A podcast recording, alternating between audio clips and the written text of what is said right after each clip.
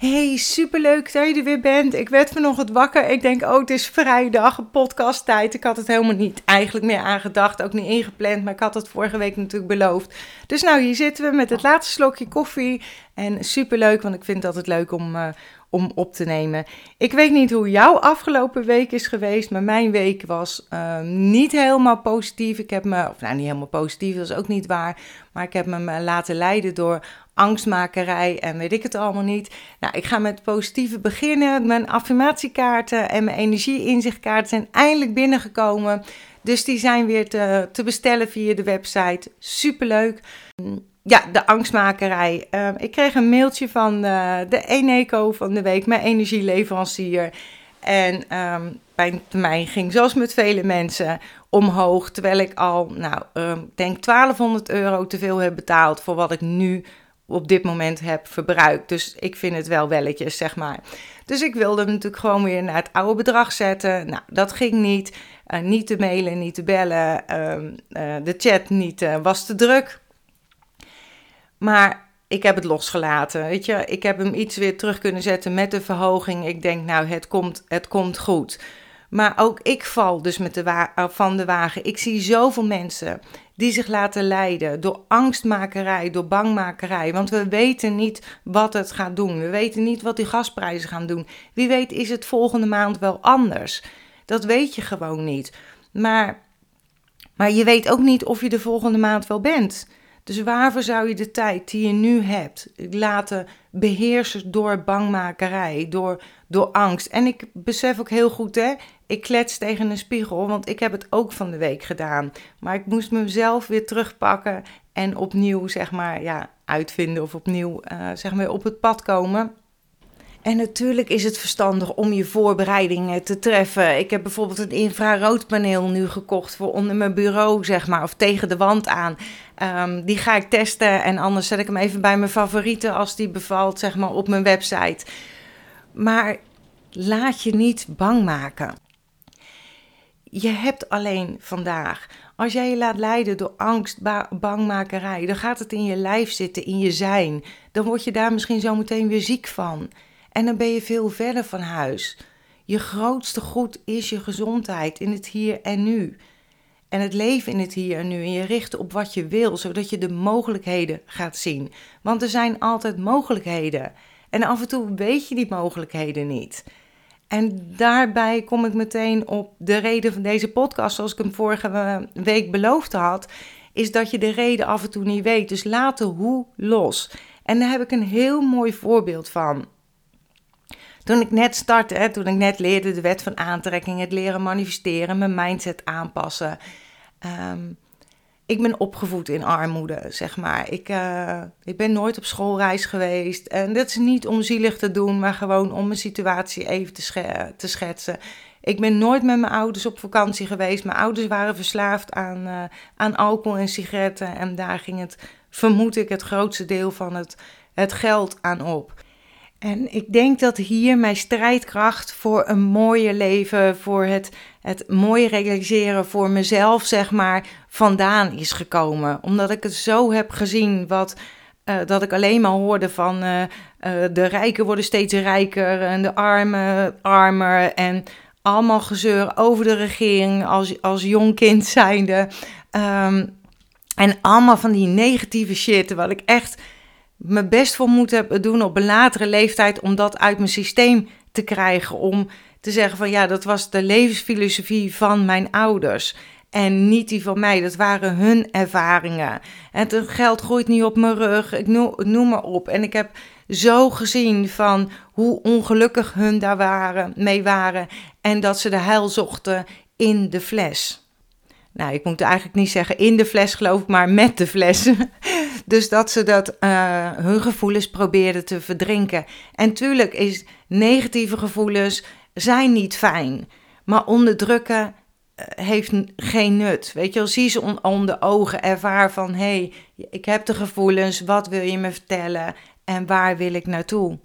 Kijk, ik wilde niet, als ik zo jong dood moet gaan als mijn moeder, wilde ik wel geleefd hebben en blij zijn, zeg maar, met, met wat er is. Dus vandaar dat ik, toen mijn moeder overleed in mijn armen, uh, zelf de verantwoordelijkheid nam voor mijn leven.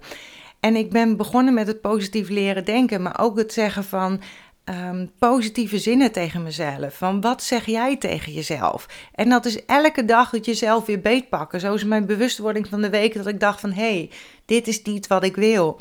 Ik ga me richten op de, op de angstmakerij. Ik ga meedoen. Ik ga mee met, uh, uh, met alles. En dat wil ik niet. Ik wil gewoon in mijn nou ja, bubbel zitten. En dat klinkt uh, negatief of niet realistisch. Wat is realiteit? Hè? Dus voor iedereen anders.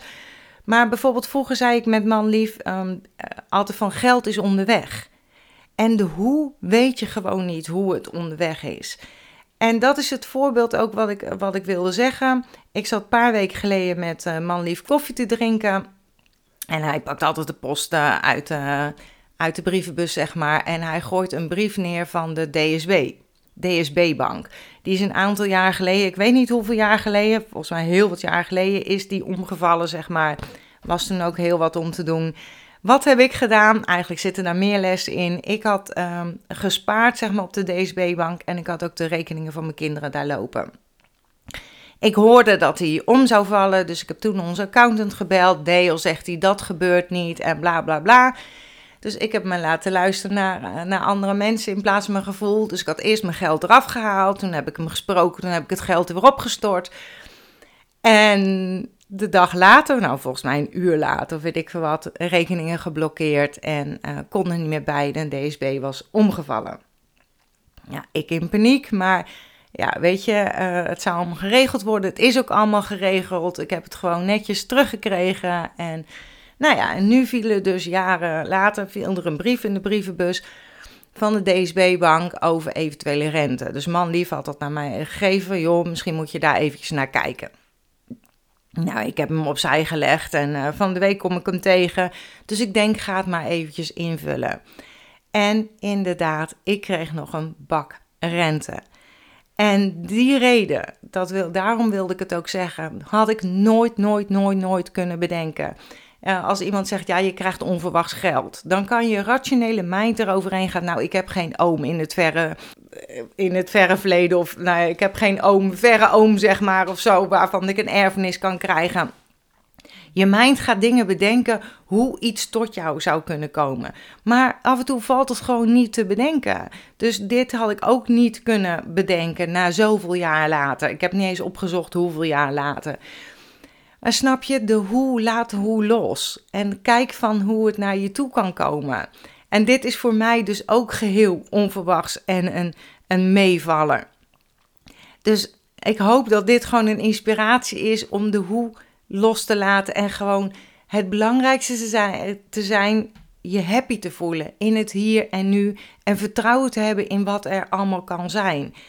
En dan zul je zien op welke manier dat naar je toe kan komen. En heb jij een superleuk, gaaf verhaal, hoe iets tot jou is gekomen? Laat het me alsjeblieft weten. Mail mij, um, spreek in, uh, stuur me een, um, een berichtje op Instagram. Maakt niet uit, weet je wel.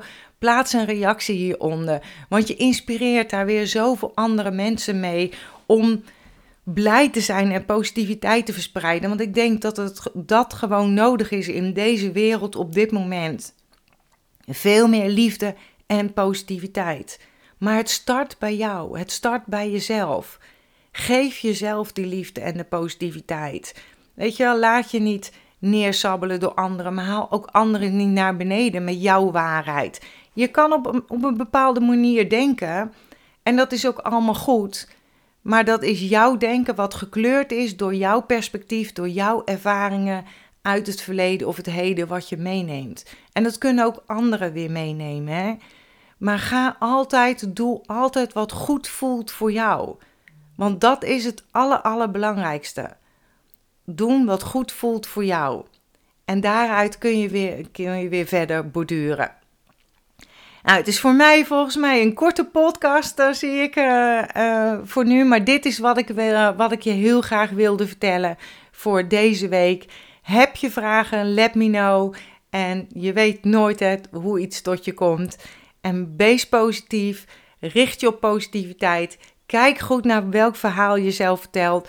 Maak positieve affirmaties, zeg maar, van hey, hoe jij graag zou willen. Het is, affirmaties zijn niet anders als positieve zinnen, hè? Dus gewoon bevestigen hoe jij wil dat het zou zijn. En zelf affirmaties maken is gewoon een leuke oefening, zeg maar. Dus gewoon krachtig bevestigingen van maken. Steken we een kaars aan. Uh, creëer een rustgevende en ontspannende sfeer, een ruimte. En kies een topic. Bijvoorbeeld geld of uh, relatie, ik noem maar op. Hè. En dat maakt het maken van affirmaties gewoon makkelijker. Want hoe specifieker, hoe beter het eigenlijk is. Dus uh, kan ook over eigenwaarde, uh, gezondheid, noem maar op, hè? motivatie. En schrijf als je bijvoorbeeld, ja, ik vind het lastig om affirmaties te maken, schrijf bijvoorbeeld je gedachten, gevoelens hierover op. Ik vind het lastig om affirmaties te maken. Buig het om. Ik vind het steeds makkelijker, makkelijker om de juiste bevestigingen te maken. Weet je, zo buig je beperkende overtuiging om. Dus maak het niet moeilijk. Voor elke negatieve, nutteloze gedachte, gevoel, overtuiging, geloof, schrijf erover. Of als je het beseft, zeg maar, maak een positieve, opbeurende zin van. Als je, zegt, als je merkt dat je denkt, ik heb ook geen energie, bah, ik ben moe of ik ben gestrest, onrustig. Zeg dan, hé, hey, ik heb, eh, mijn energie uh, gaat elke met uur krijg ik meer energie. Of ik ben bereid om stress los te laten en uh, de ontspanning toe te laten. Of als je je zorgen maakt over de toekomst. Ik laat de verwachtingen los en vertrouw op mijn pad en reis en dat het goede op mijn pad komt. Dus maak gewoon mooie zinnen voor jezelf. En dat geeft je weer veel meer positieve energie dan dat je naar beneden laat, uh, laat halen. Ik hoop dat ik hier weer mee geïnspireerd heb. Laat het me gerust weten. Geniet, geniet. Hè? Dat is het allerbelangrijkste. Nou, dus accepteer dat wat er is. Hè? Laat los wat is geweest, want dat ligt in het verleden. Daar kunnen we niks meer aan doen. En geniet uh, van wat er nu is. En heb vertrouwen in wat kan zijn. En tot volgende week bij een nieuwe podcast. Doei doeg!